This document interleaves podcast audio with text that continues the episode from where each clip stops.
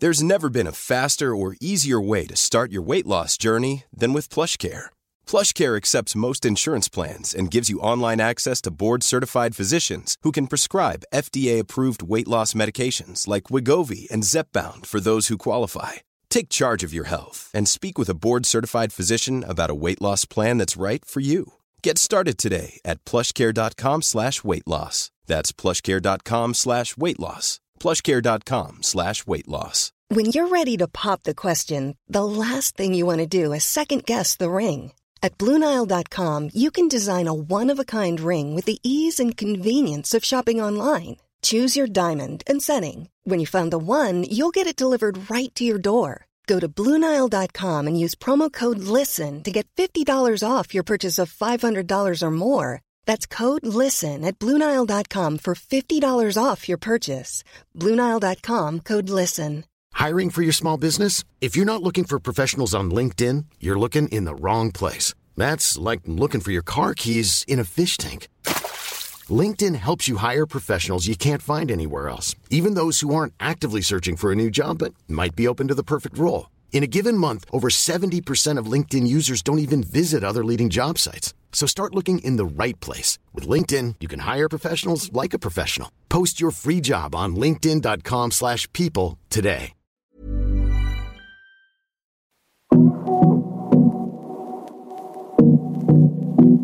Hej! Hoppas du har det fint och förhoppningsvis njuter av lite ledighet och sommaren fortfarande. Och jag är så glad att du har hittat till oss och väljer att lyssna en stund på Karriärpodden. Vi har ju den här sommaren valt att sända några favoritavsnitt från det senaste året i repris. Och sist ut i den här serien är styrelseproffset och hållbarhetsprofilen Anna Riot. Hon började med att göra en raketkarriär inom näringslivet med ledande befattningar hos McKinsey och Storåkers McCann för att sen göra en helomvändning när hon istället tog jobb som insamlingschef för Unicef och generalsekreterare för SOS Barnbyar och sen vd för Swedfund. Idag sitter hon i flera styrelser, bland annat Axel Jonsson, Dagens Industri, Norrsken och är rådgivare till Summa Equity och medgrundare av Heart 17. Ett globalt initiativ som genom partnerskap, kreativitet och innovation bidrar till att accelerera FNs globala mål. Och förra året utsågs hon till Sveriges mäktigaste samhällsförändrare. Vi pratar om vikten av syftesdrivet arbete, hur det är att byta finansvärlden mot en välgörenhetsorganisation och hur man fortsätter sitt liv efter ett cancerbesked. Här kommer nu avsnitt 182 med min gäst Anna Riot. Jag heter Eva Ekedal. Anna Riot, välkommen till Karriärpodden. Tack så mycket. Jag är jätteglad över att du är här, av flera anledningar. Jag är glad att vara här. Ja, Nej, men det känns som att du gör så himla mycket bra saker. Och um, som uh, Women for Leaders och Karriärpodden är liten, kanske en liten del av i alla fall, av det du brinner för. Och det ska vi prata om. Men vi ska också prata om din spännande karriär. För jag har studerat ditt CV nu då, och där hittar man ju en massa med spännande företag och saker du har gjort. Men man ser också ett väldigt tydligt skifte. Mm, eh, från finansbranschen där du började som analytiker var det va? Ja, stämmer bra. Eh, och till att sen börja jobba i organisationer som står för välgörenhet och att göra gott. Mm. Vad var det som hände? Vad var det som hände? Och när eh, var det? När var det? Nej, men jag började som du sa i, i finansbranschen. Eh, och sen så slutade jag där och gick vidare till, eh, till McKinsey. Eh, var där ett antal år som managementkonsult eh, och sen blev eh, över, eh, eller övertalad att gå över till reklambranschen och kommunikationsbranschen eh, till Storåkers McCann. Och det som hände då var egentligen att jag hela tiden haft under de här åren när jag jobbade eh, inom näringslivet, finansbranschen. Eh, en liten sån här brännande känsla att, eh, att jag eh, borde göra, eh, göra skillnad. Mm. Och därför engagerade jag mig mer och mer i olika eh, ideella organisationer. Jag startade en egen liten organisation som heter Young Women Solidarity. Du var liksom före oss där alltså. Ja. Men vi bestämde då att sådär, vi ska inte starta egna projekt, men vi ska stötta andra och lyfta andra som gör bra eh, projekt. Eh, och sen så när jag var på Storåker så engagerade jag mig också i att vi tog in ganska många pro bono-kunder. Där, eh, där ett var eh, Childhood bland annat som vi jobbade med. Okej, just det. Och under den här tiden på Storåkers så var det egentligen en mängd olika möten med personer eh, och händelser som gjorde att jag till slut bestämde mig att nej, jag måste ta steget fullt ut och få jobba med att bidra till att förbättra världen och framför allt förbättra världen för de som har det eh, svårast och kämpa för barns rättigheter. Mm.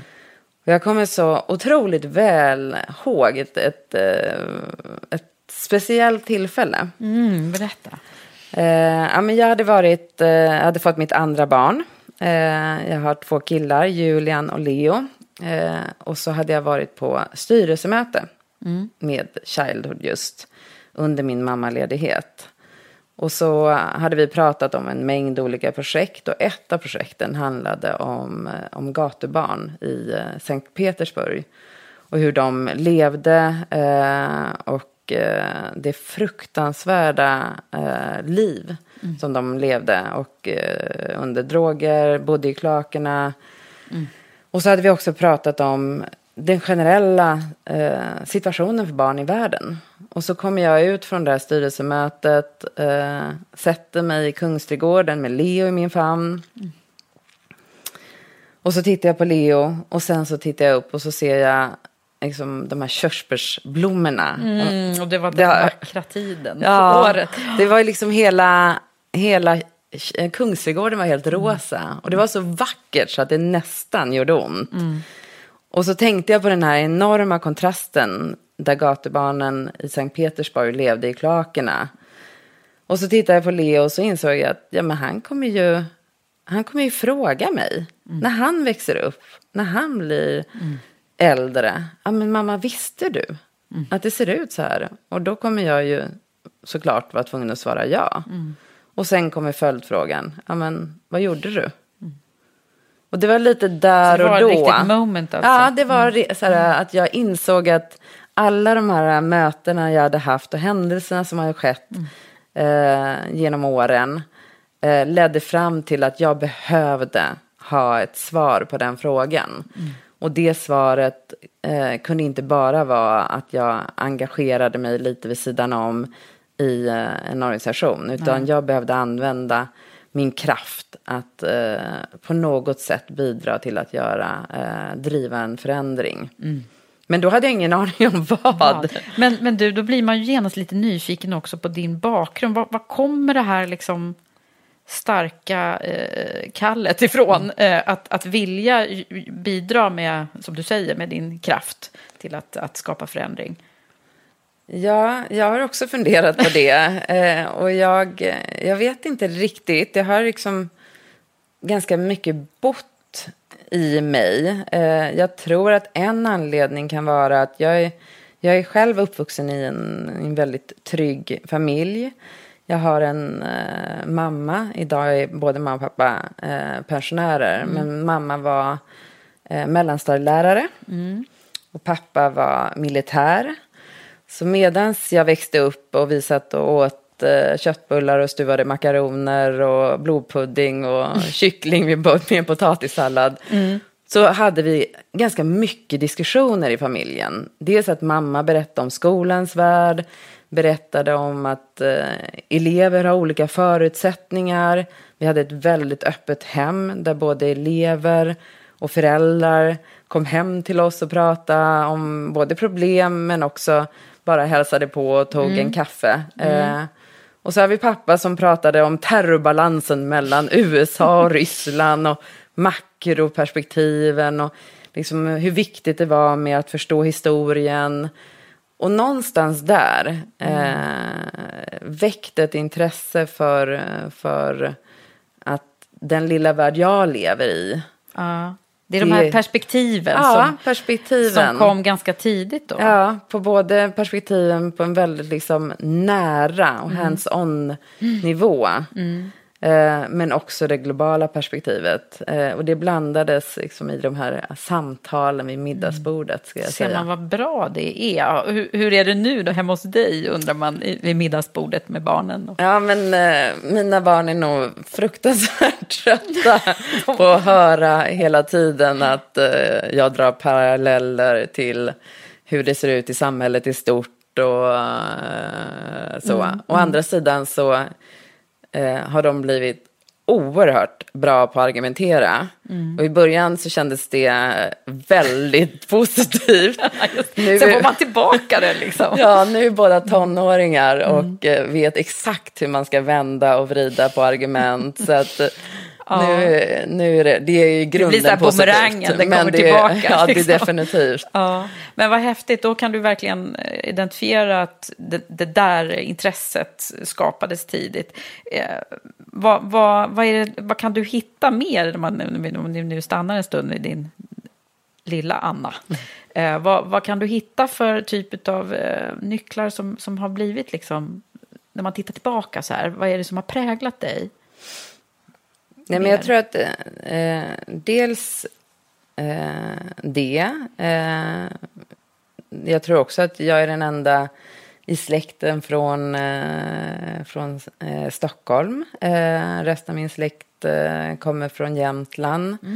Så det tror jag också att man att, präglas att alla loven spendera, liksom, komma upp till fjällvärlden och tryggheten, vara nära naturen. Eh, och också mm, liksom, alla mina släktingar eh, som bor där. Eh, så det skulle jag säga. Um, sen finns det ju saker som, som man säkert kan också plocka upp från barndomen som har gjort att man gör eh, precis tvärtom. Just det, för det brukar ibland bli så att man antingen gör man en likadan strategi eller också så väljer man motsatt. Ja. Vad har du för motsatta? Nej, men jag tänker motsatsen är ju att eh, jag har ju två föräldrar som haft ett och samma jobb hela sitt liv. Och skulle min mamma som är en sån här fantastisk eh, lärare, hon skulle ju gärna kunna jobba än idag som lärare. Eh, det var ju liksom verkligen hennes kall. Eh, och eh, jag har nog vuxit upp med sådär, det är bra att ha ett jobb eh, och att man ska liksom eh, inte hoppa och byta karriär för ofta och sådär. Och där har jag ju verkligen gjort Gjort precis tvärtom. Du har vågat testa verkligen. Eh, ja, och då leder det ju oss osökt in på att vandra vidare i din karriär. För då, när du hade fattat det här beslutet, vad hände då egentligen i din karriär? Nej men det som hände, för det första var det ju sådär äh, helt fantastiskt. Ja, eller för det första, jag fattade beslutet men jag visste ju inte vad jag skulle göra. Nej, okej, det var så. Så du hade liksom inget konkret som låg och... Nej, utan det här var första gången som, eh, som jag såg en annons i tidningen. Där det stod att Unicef sökte då insamlingschef. Eh, och då kände jag att eh, det där är ju mitt jobb. Eh, och de var ju rätt modiga att kunna rekrytera någon då från näringslivet med sånt annat perspektiv.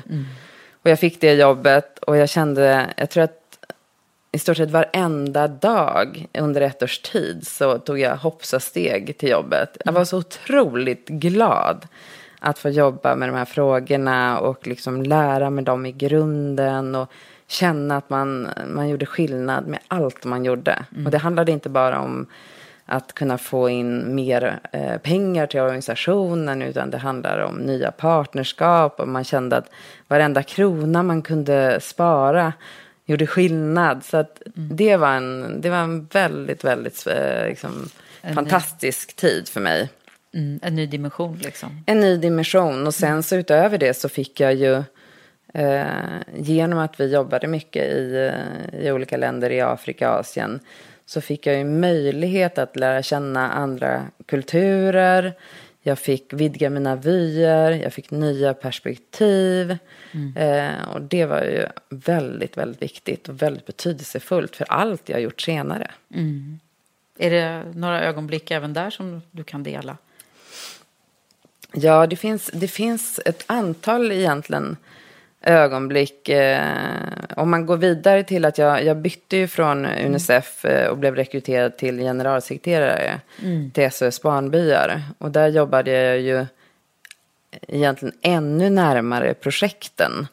Eftersom mina kollegor eh, i andra länder var ofta antingen barnbymamma eller läkare eller mm. socialarbetare. Eh, och man kommer ut mycket, kom väldigt nära projekten på så sätt.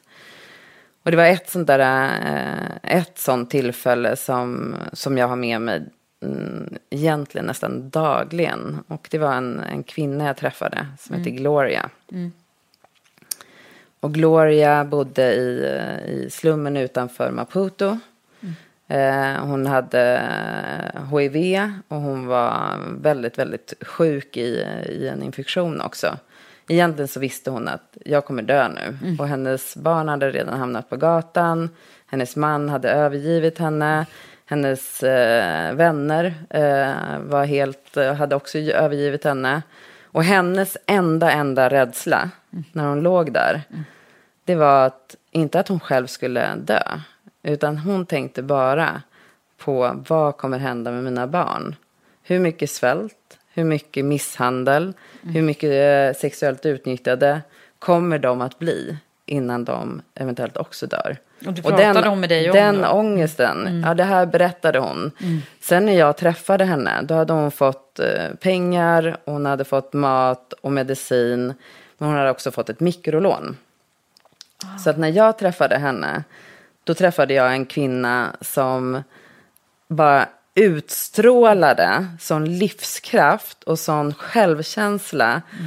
Och då hade hennes barn kommit tillbaks, de gick i skolan, hon hade gift om sig, hon hade startat hon hade sin liksom lilla butik. Ett nytt liv. Hon hade fått ett helt, helt nytt liv. Wow. Så, och då så kunde du se vad som verkligen Då kunde jag se att allting är möjligt. Och hon sa också till mig att, äh, men vet du vad Anna, att medicinen och maten, det gjorde att jag överlevde. Mm. Men jobbet och mikrolånet gav mig mitt liv tillbaka. Mm. Så då förstod jag också hur otroligt viktigt det här är med eh, ja, men med jobbskapande, med mm. näringslivets roll mm. inom ramarna för, mm. för att mm. jobba med, eh, ja, med då, fattigdomsminskning precis, och jobba med barns av sammanhang är ju lika viktigt för dem som det är för alla såklart. Liksom för alla A människor. Absolut. I, i, I, alla situationer. Det är liksom, man får verkligen gå på Maslows behovstrappa igen. Ja. Eh, Nej men plus att ja. hon, hon visar, hon var ju ett bevis på att ingenting är omöjligt. Nej. Så att när jag har gått igenom jobbiga saker eller om, om jag tycker att, uh, att livet känns uh, tufft. Mm. Så tänker jag ofta på Gloria. Och Gloria var um, varit med mig när jag jobbade på Swedfund så hade jag, jag gjorde en stor tavla mm. på oss. Då hade jag med mig tavlan på jobbet. Nu har jag ingen fast, fast uh, plats Nej. att sätta den. Så nu sitter den på arbetsrummet. För Aha. att jag känner lite så här, men hon är min arbetsgivare. Det är henne, eh, det är henne jag jobbar för, för att mm. säkerställa att fler eh, kvinnor i världen ska få samma möjligheter. Mm. Gud vilken bra, nu kommer vi också att komma ihåg Gloria. Gloria. Men du, på Swedfund, vad, vad, vad handlade det om där då? Du, skiftet från, som, från SOS Barnbyar till Swedfund? Nej men det var nog just, alltså, det, det jag såg. Jag hade ju jobbat då sex sju år eh, med barns rättigheter eh, med Unicef och SOS Barnbyar. Eh, och det jag såg var väl att det mest effektiva jag troligen kunde göra var ju att jobba med att bidra att eh, utrota det som var grunden till att barn blir föräldralösa eller inte går i skolan. Och det handlar ju om fattigdom. Mm. Eh, och sättet man utrotar fattigdom är att säkerställa att mamma och pappa bland annat har ett jobb. Mm. Och ser till att det finns ett näringsliv som fungerar i de länderna så att länderna själva kan lyfta sig i fattigdom. Och då hade jag också skrivit en bok som heter Affärsaktivisten, manifest för lönsam och hållbar business. Och eh, Swedfund var ju liksom var allt det där. med hållbarhet Ja, helt väldigt tidigt. eh, faktiskt redan på Storåkerstiden jobbade jag ganska mycket med det.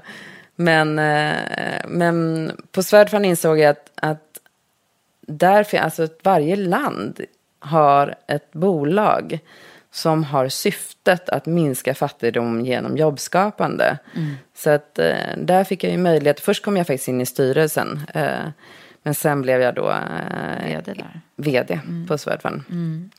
Eh, och väldigt spännande jobb, otroligt viktig plattform. Eh, och det som jag fått, fick på Swedfund var ju också ett väldigt starkt, ytterligare starkt internationellt nätverk eh, genom att jobba med alla de andra utvecklingsfinansiärerna, utvecklingsbankerna, komma nära FN-systemet, men också jobba med den privata sektorn och se vilken enorm kraft det fanns i privata sektorn om man gör det på rätt sätt. Ja, och det är på, lite på den resan eh, vi är nu i din karriärresa här. Ja. För eh, på något sätt så har det blivit ännu mer tydligt kanske det här spåret som du är på nu. Att det är liksom någonstans, eh, alltså att knyta ihop säcken med det ekonomiska perspektivet på vad man kan göra nytta. Ja, men verkligen. Eh, tidigare har jag ju liksom alltid varit eh, lite fel eller lite rätt beroende på hur man ser på det. När jag först var inom näringslivet och drev de här frågorna så var det lite sådär, ja men det här kan man göra på fritiden. Sen kom jag in inom civilsamhällets organisationer och det var fortfarande lite så här, "Ah, hon kommer ju från näringslivet. Är hon inte lite konstig? Är hon inte lite konstigt?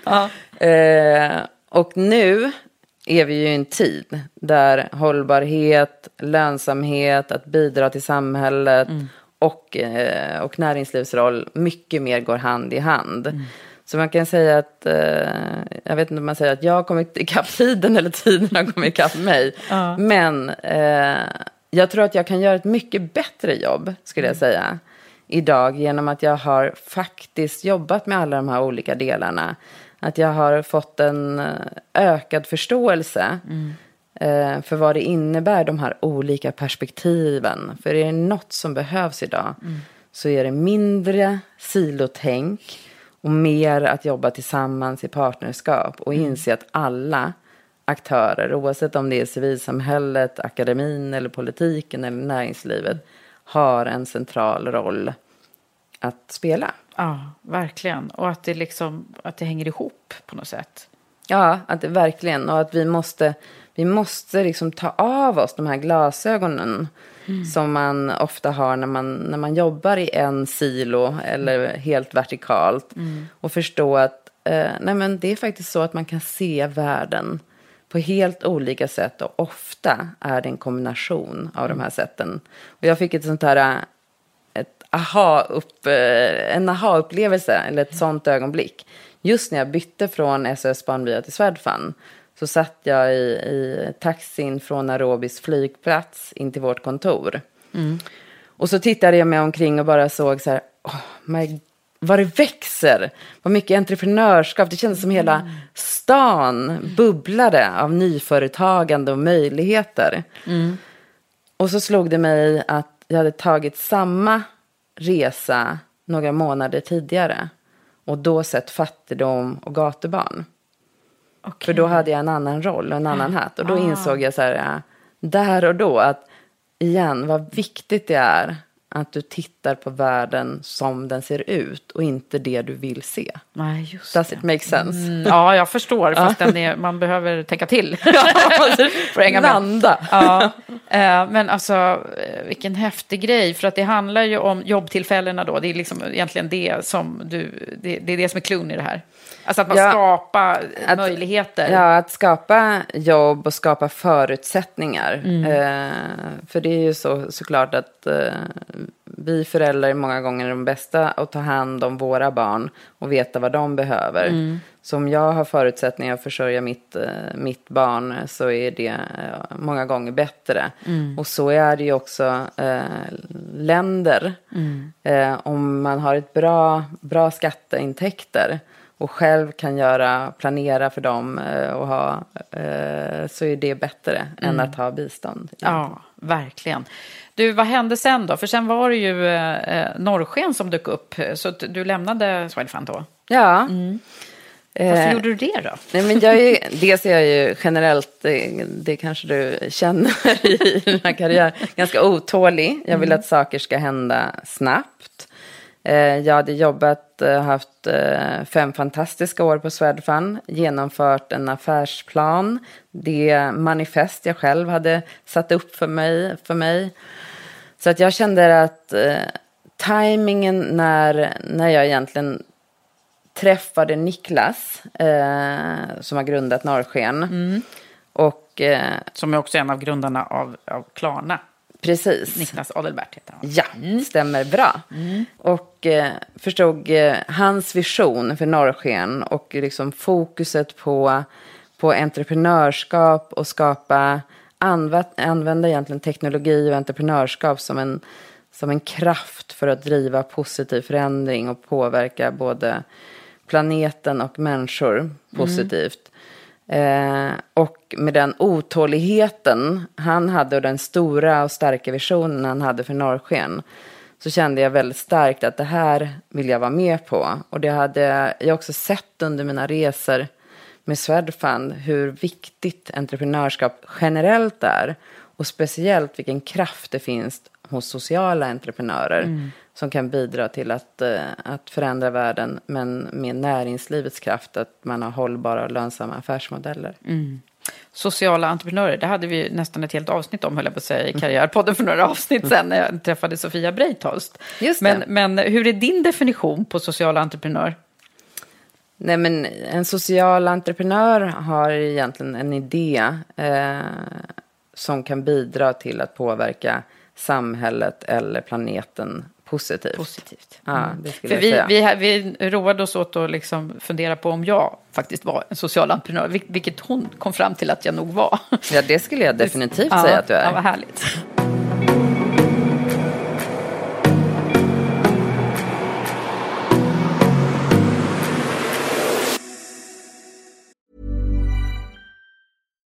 Here's a cool fact. A crocodile can't stick out its tongue. Another cool fact you can get short term health insurance for a month or just under a year in some states. United Healthcare short term insurance plans are designed for people who are between jobs, coming off their parents' plan, or turning a side hustle into a full time gig. Underwritten by Golden Rule Insurance Company, they offer flexible, budget friendly coverage with access to a nationwide network of doctors and hospitals. Get more cool facts about United Healthcare short term plans at uh1.com.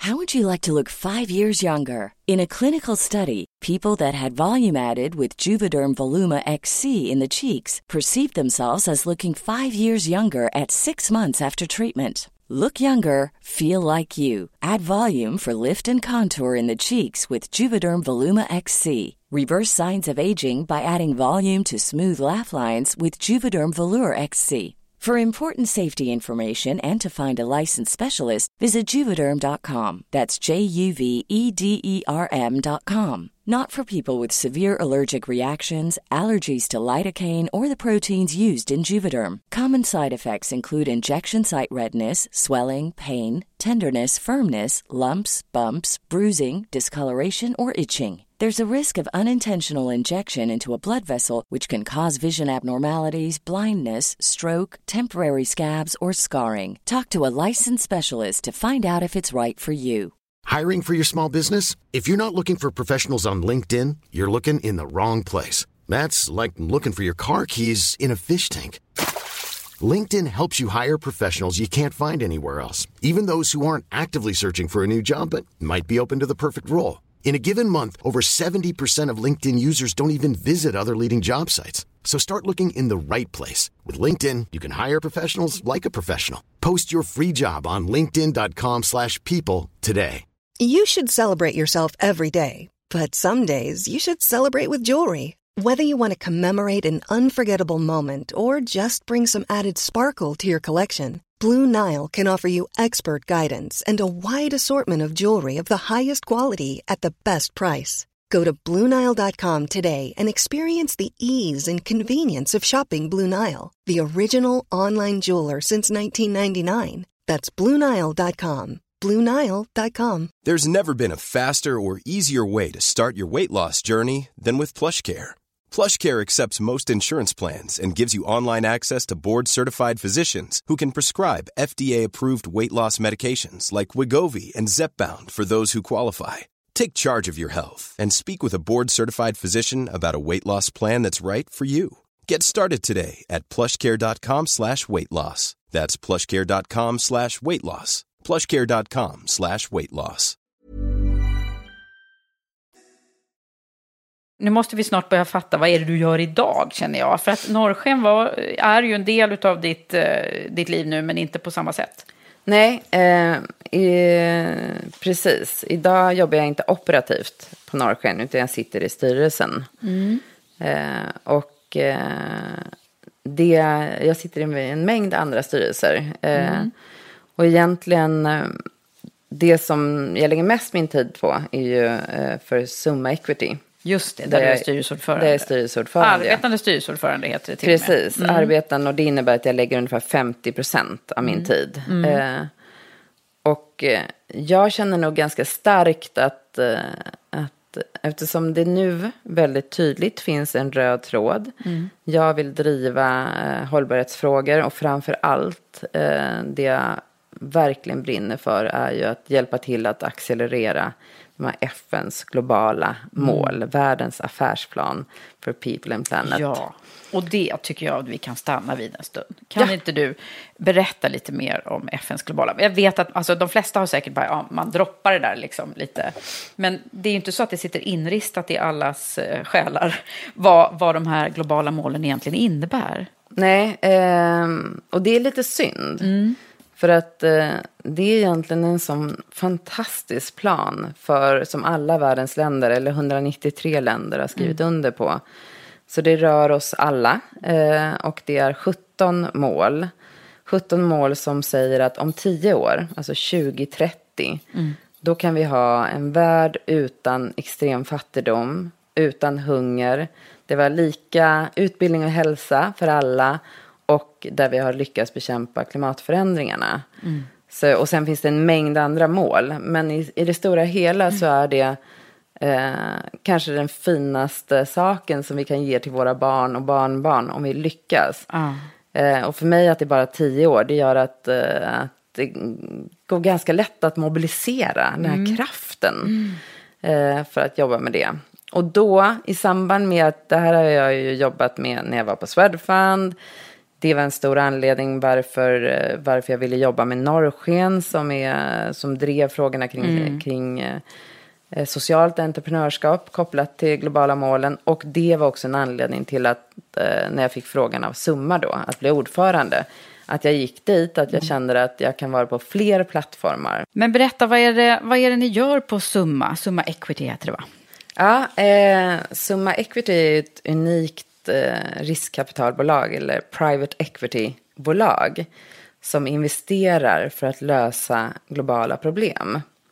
Och vi gör det genom att vi har identifierat också att det finns enorma affärsmöjligheter med att just lösa globala problem. Och framför allt inom tre områden. Mm. Där det första området handlar om klimatförändringar och resurseffektivitet.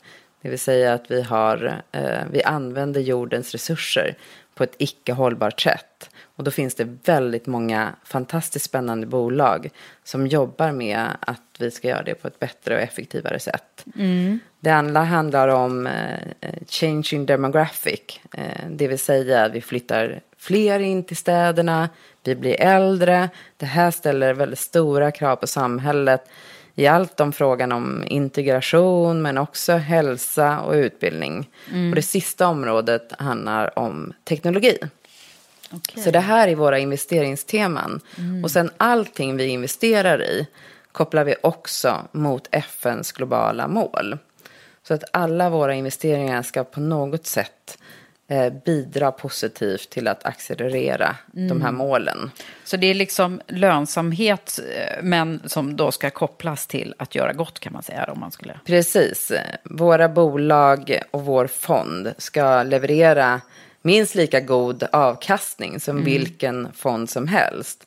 Men det ska också påverka antingen planeten eller människan på positivt sätt. Mm. Så det är liksom hela målet med, med fonden. Och det är viktigt också det här med, med att det verkligen ska vara en god och bra avkastning. Mm. För det är det enda sättet som vi också kan flytta ännu mera kapital till den här typen av investeringar. Ja. Och det går ju att göra både och. Absolut, för mig har det länge varit så att lönsamhet och hållbarhet går hand i hand. Och här är ju verkligen ett bevis på det. När jag tittade på ditt CV så blev det ju verkligen så här, okej, men nu är hon liksom lite, nu är hon ju tillbaka i egentligen där du nästan började, fast på ett helt annat sätt. Och har liksom vävt med dig eh, det du har gjort under de senaste åren då. Ja. Det, är det inte så? Det, Så är det. cirkeln är, ser man nästan att den är sluten nu. Ja, men jag skulle nog aldrig tro att jag skulle säga att det är, jag tror att finansbranschen kan förändra världen. Men för mig är det lite att change go where the money flows.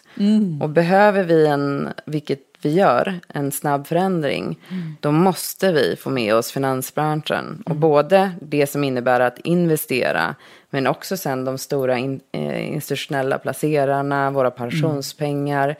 Att flytta kapitalet från att bara tänka på att eh, vi ska inte investera i det som, som faktiskt direkt är skadligt, till att investera i det som är bra.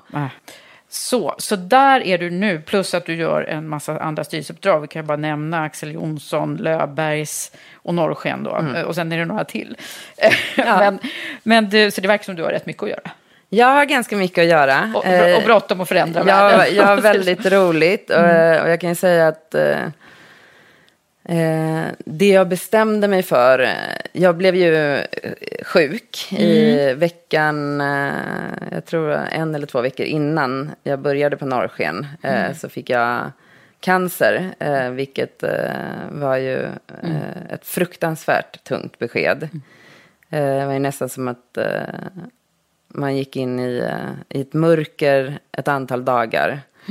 Ja, man ser ju, 2017 verkar det ha varit ett stökigt år för dig. Ja, det var ett väldigt tufft år. Eh, men samtidigt fanns det också väldigt många ljusglimtar under det året. Eh, och det var väl framför allt eh, för Hade mig... du alltså fått beskedet precis, alltså du visste att du skulle gå in i Norrsken?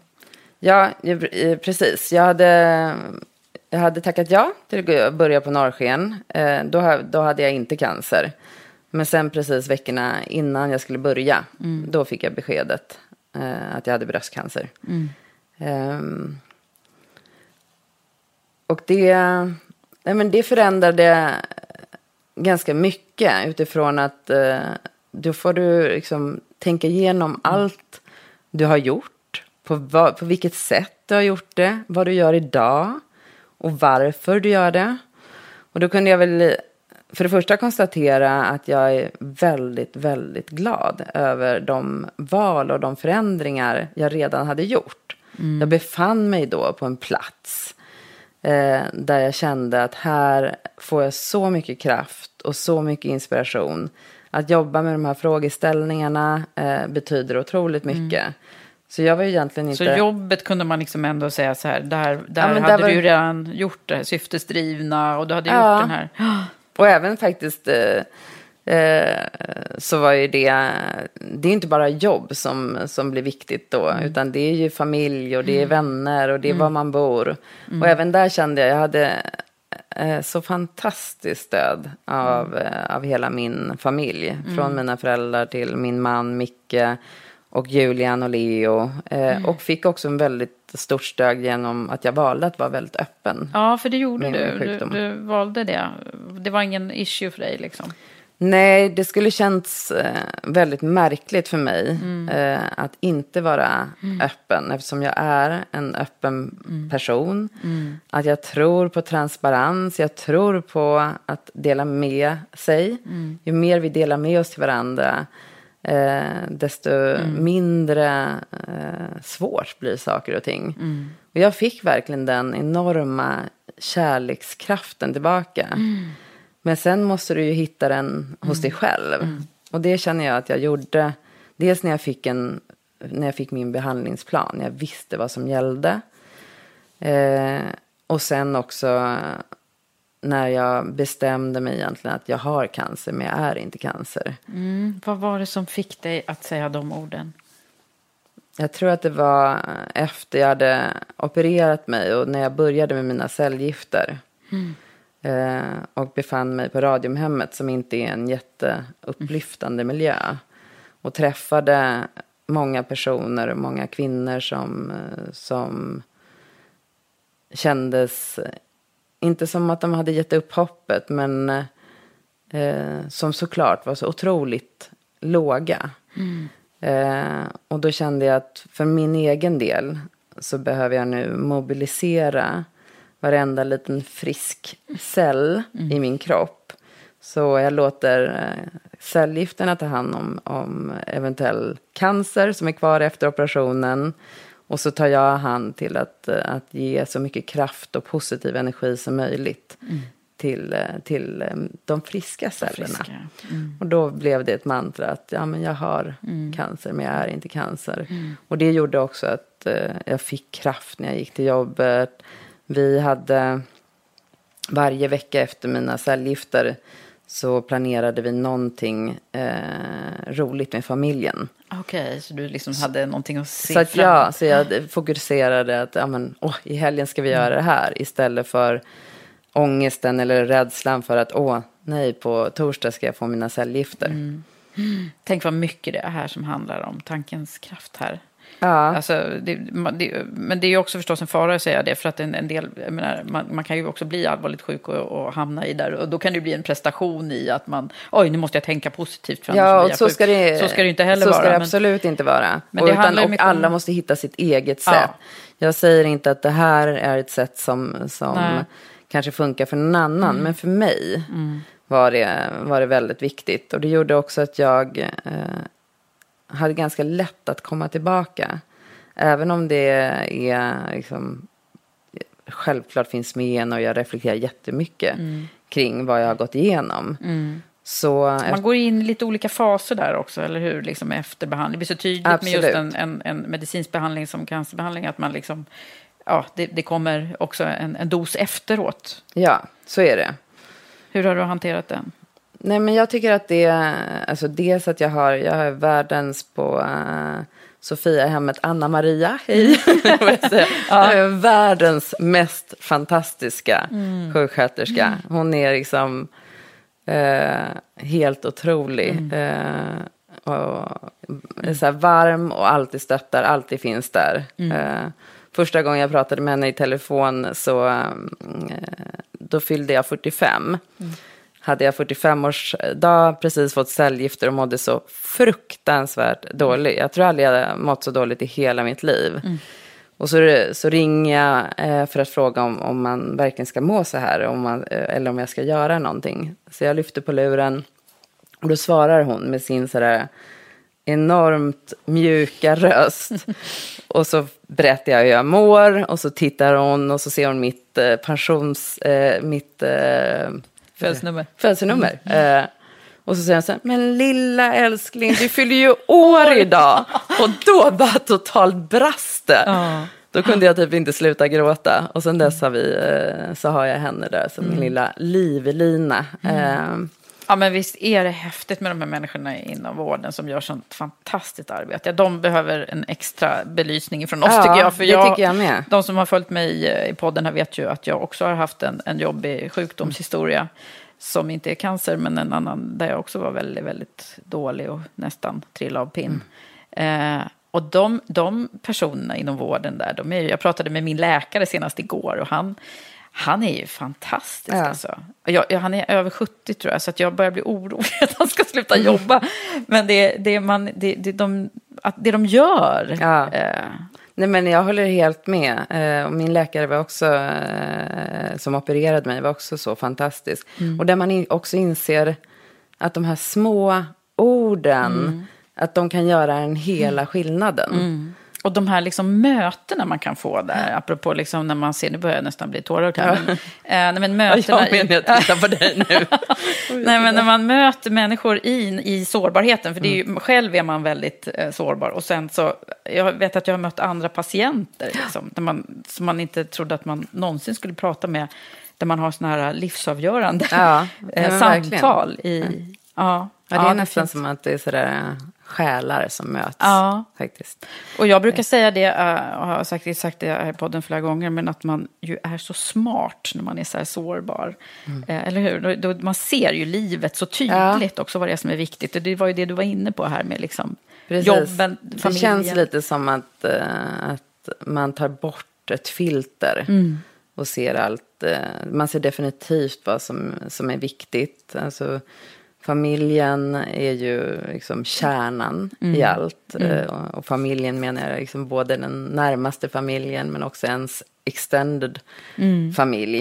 Eh, men sen också att eh, för mig blev det jätteviktigt att eh, fortsätta bestämma mig för att jag ska dels bara jobba med saker jag brinner för. Mm. Eh, och dels jobba bara med människor eh, som inspirerar mig och som, eh, som jag känner mig, eh, ja men mår väldigt bra med helt mm. enkelt. Mm. och det är jätte, jätteviktigt. Mm.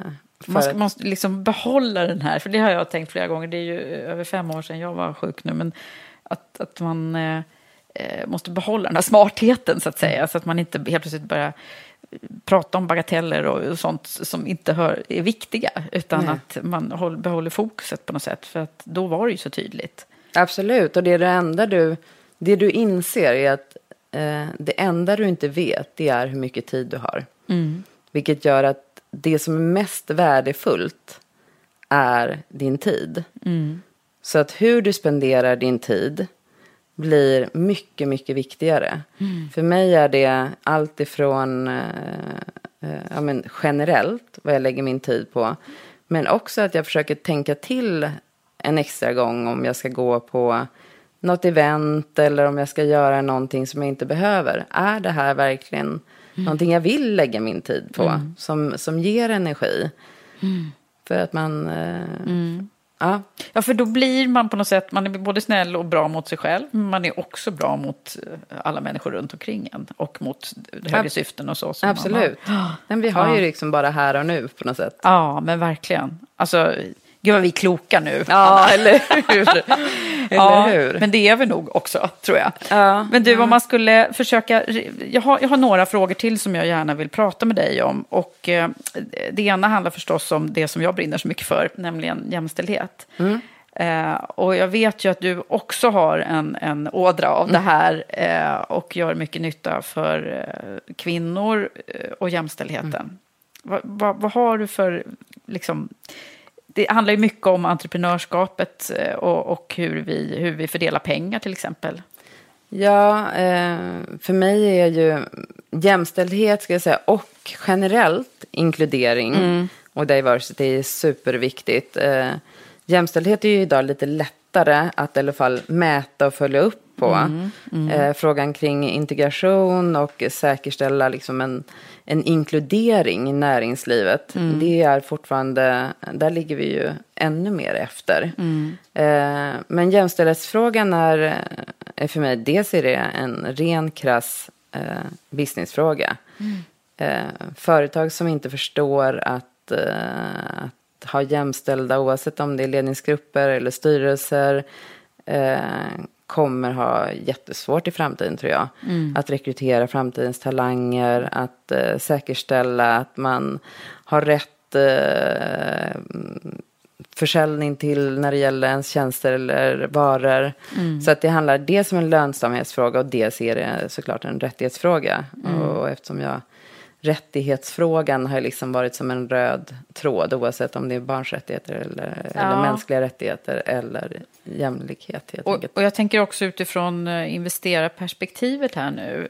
Det är ju förödande siffror på hur det ser ut. Du, du nämnde dem för mig förut. Hur är det nu egentligen med hur mycket pengar är det som går till, till kvinnliga Ja, i, i Sverige eh, när Allbright gjorde sin studie mm. eh, så är det ju bara kraftbolagsbranschen mm. som är sämre än eh, riskkapitalbranschen när det gäller jämställdhet. Mm. Och kraftbolagsbranschen kanske man kan förstå. Men när det gäller eh, riskkapital eller private equity så handlar ju det om investering i alla typer av sektorer, alla typer av bolag. Så där borde det ju finnas både ett intresse för kvinnor mm. och det borde också från bolagens sida eh, finnas en stor efterfrågan på att få fler kvinnor att både jobba där och bli partner och sitta i styrelser. Mm. Eh, men där går det väldigt trögt. Oh. Eh, Vad ska vi göra? Vad ska vi göra? Nej, men jag har ju gjort, eh, i alla branscher så pratar man ju om att det är viktigt med förebilder. Mm. Det är därför du Eh, sitter här i Karriärpodden nu bland annat. Ja, och det är också, jag ser att jag kan ha en roll som ordförande eh, i ett eh, i och för sig ganska unikt eh, riskkapitalbolag eftersom man har det fokuset man har att både generera avkastning och, eh, och också göra skillnad. Eh, men det tror jag är en sak. Eh, och att driva frågan från, från liksom styrelserummet helt enkelt. Ja, och där gör du ett jättebra jobb. Fortsätt, säger vi som hejar på. Det kommer jag göra. Eh, Du, sen så har jag några frågor som jag brukar ha med. Och det handlar om ledarskap. Och du har ju haft ledarroller i, under lång tid.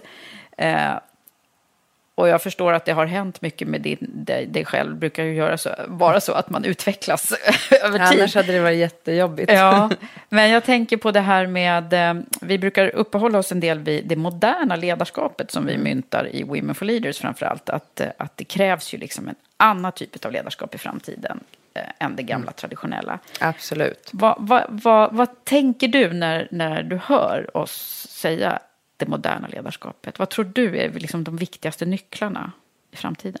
Nej, men en tror jag är det som jag var inne på, perspektivtagande.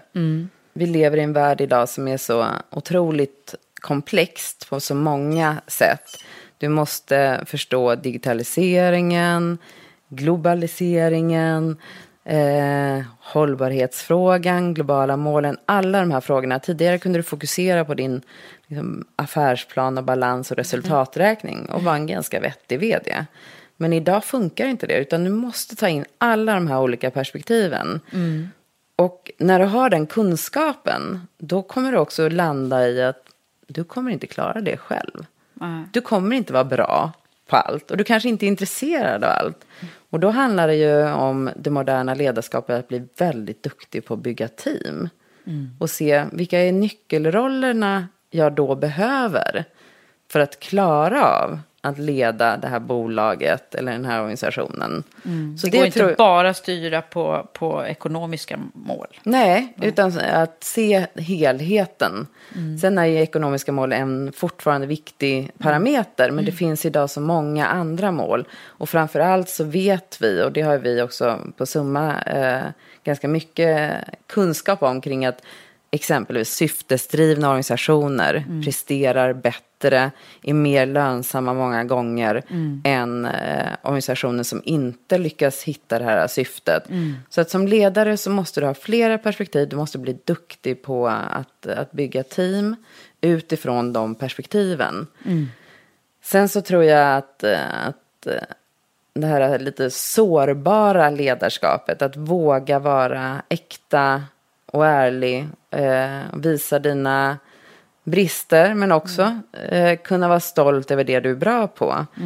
Att det också blir viktigare och viktigare.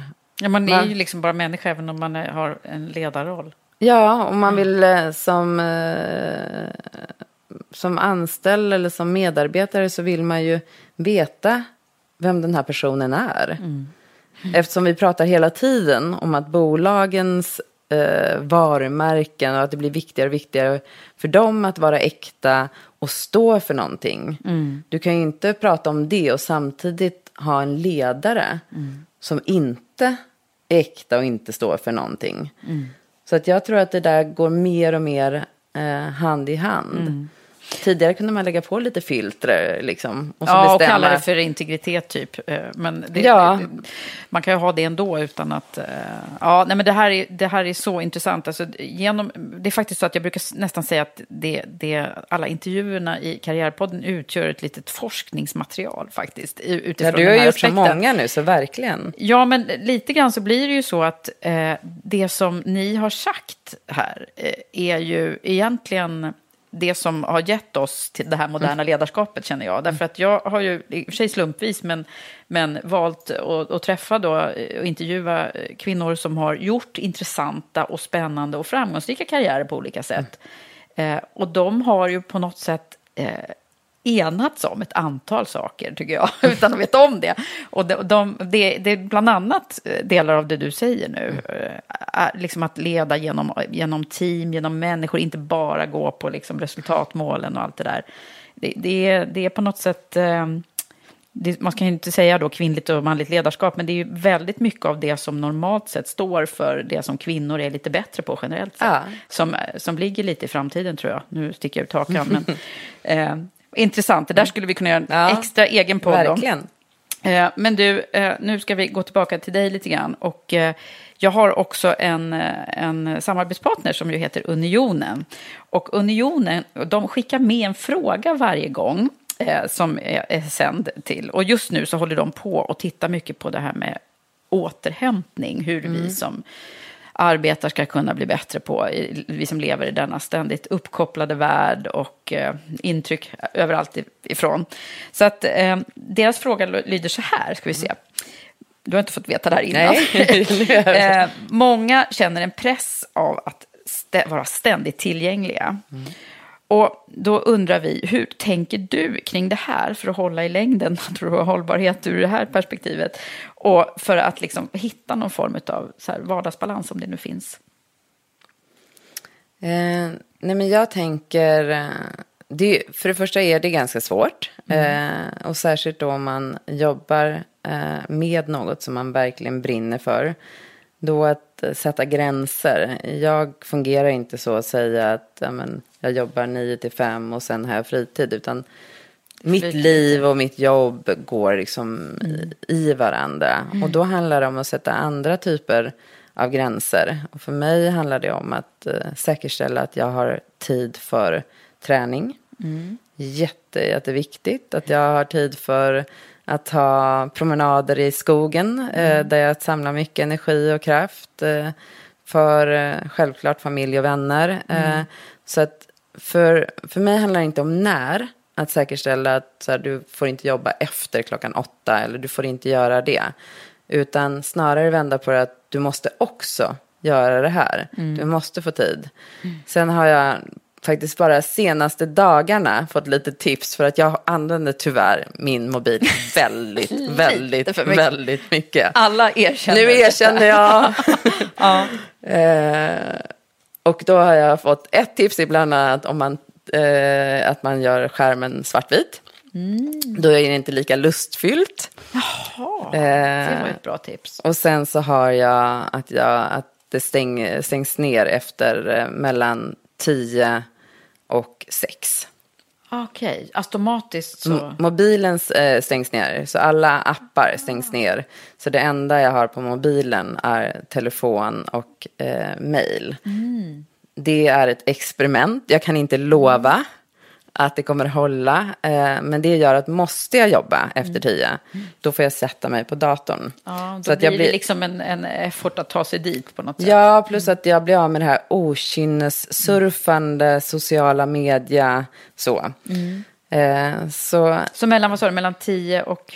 Tio på kvällen till sex på morgonen, då använder jag inte Nej, det ska man mobilen. Normalt sett inte behöva. Men det, det är Nej, klart men... att det är ju det där precis innan man ska gå och lägga sig, och det här dumheterna man håller på med. Eller ja, för mig när, när barnen var små så var mm. det sättet att få ihop livet. Att då, för att komma hem och äta mm. middag och hämta, då började ju nästan arbetspass nummer två mm. mellan åtta och 11 eh, eller 9 och 11 mm. efter läggningen. Och det funkade utmärkt för mig. Men jag tror att, eh, att man får inte glömma bort sig själv. Nej. För att det är bara det då är du kan viktiga liksom sekunder liksom och minuter. Bra. Det där också på kvällen, där känner man ju mm. att um, det, det, det, tar jag också till mig. Tack för tipset. Mm. Så gör skärmen svartvit ja. och stäng av. Ja, jättebra. Du, Anna, hur ska vi sammanfatta det här härliga långa samtalet? Uh, ja, jag tänker att, uh, skulle, tror att vi kan ringa in några av dina bästa lärdomar som också kan mynna ut i någon form av tips och råd till andra. Och det kan ju vara på olika sätt i karriären. Man kan ju antingen vara i början eller... Nej, men det, det första är att träna på att lyssna inåt. Eh, ofta har du svaren där. Eh, och känn efter lite eh, när det gäller, brinner jag för det här? För att jag tror att för att bli riktigt, riktigt bra på någonting, då måste man ha med sig passionen och man måste brinna för det. Mm. Eh, det andra skulle jag säga är det, mm, det jag tror att jag sa tidigare, att det är viktigt att välja chef och det är viktigt att välja vem man jobbar med, inte bara var. Eh, det är en, en stark eh, lärdom. Mm. Och sen så tillbaks till framförallt de som är tidigt i sin karriär. Mm. Var lite schysst mot dig själv. Mm. Var inte så självkritisk utan, utan ta lärdom eh, av det som man gör både bra och dåligt. Men också se till att inte stanna med det som är dåligt utan eh, njut och ha lust och eh, ganska mycket mod. Mm. Gud vad bra. Det vart ju en jättefin sammanfattning och avrundning av det här härliga ja. samtalet. Tack, Tack så jättemycket Anna för att du har varit här. Stort tack till dig som har lyssnat på det här reprisavsnittet med Anna Riot. Åh, vad glada vi är att det är så många som följer och hejar på oss i Women for Leaders och Karriärpodden. Fortsätt gärna att tipsa om podden och om du inte redan har gjort det, prenumerera och rita och kommentera podden i din podcaster-app. Då blir vi så glada. Vill du veta mer om vårt exekutiva ledarprogram som drar igång nästa omgång nu i höst? Gå in och läs mer på womenforleaders.com. Det här var allt från veckans avsnitt av Karriärpodden. Ha det nu så bra så hörs vi nästa vecka igen. Jag heter Eva Ekedal.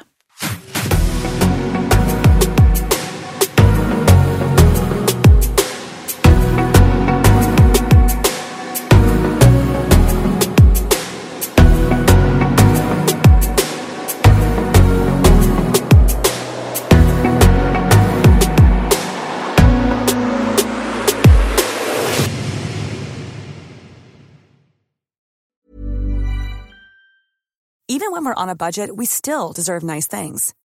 Quince is a place to scoop up stunning high-end goods for 50 to 80% less than similar brands.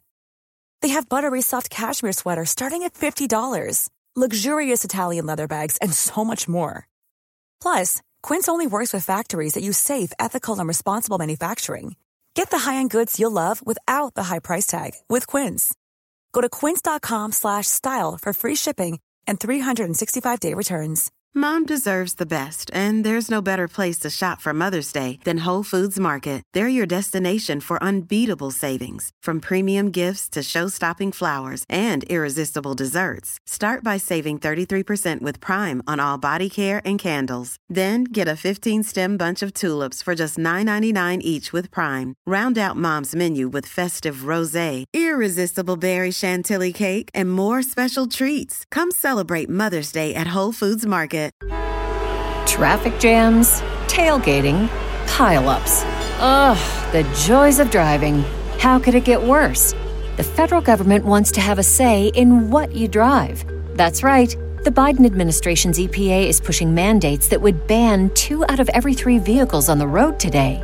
Don't let Washington become your backseat driver. Protect the freedom of driving your way. Visit EnergyCitizens.org. Paid for by the American Petroleum Institute.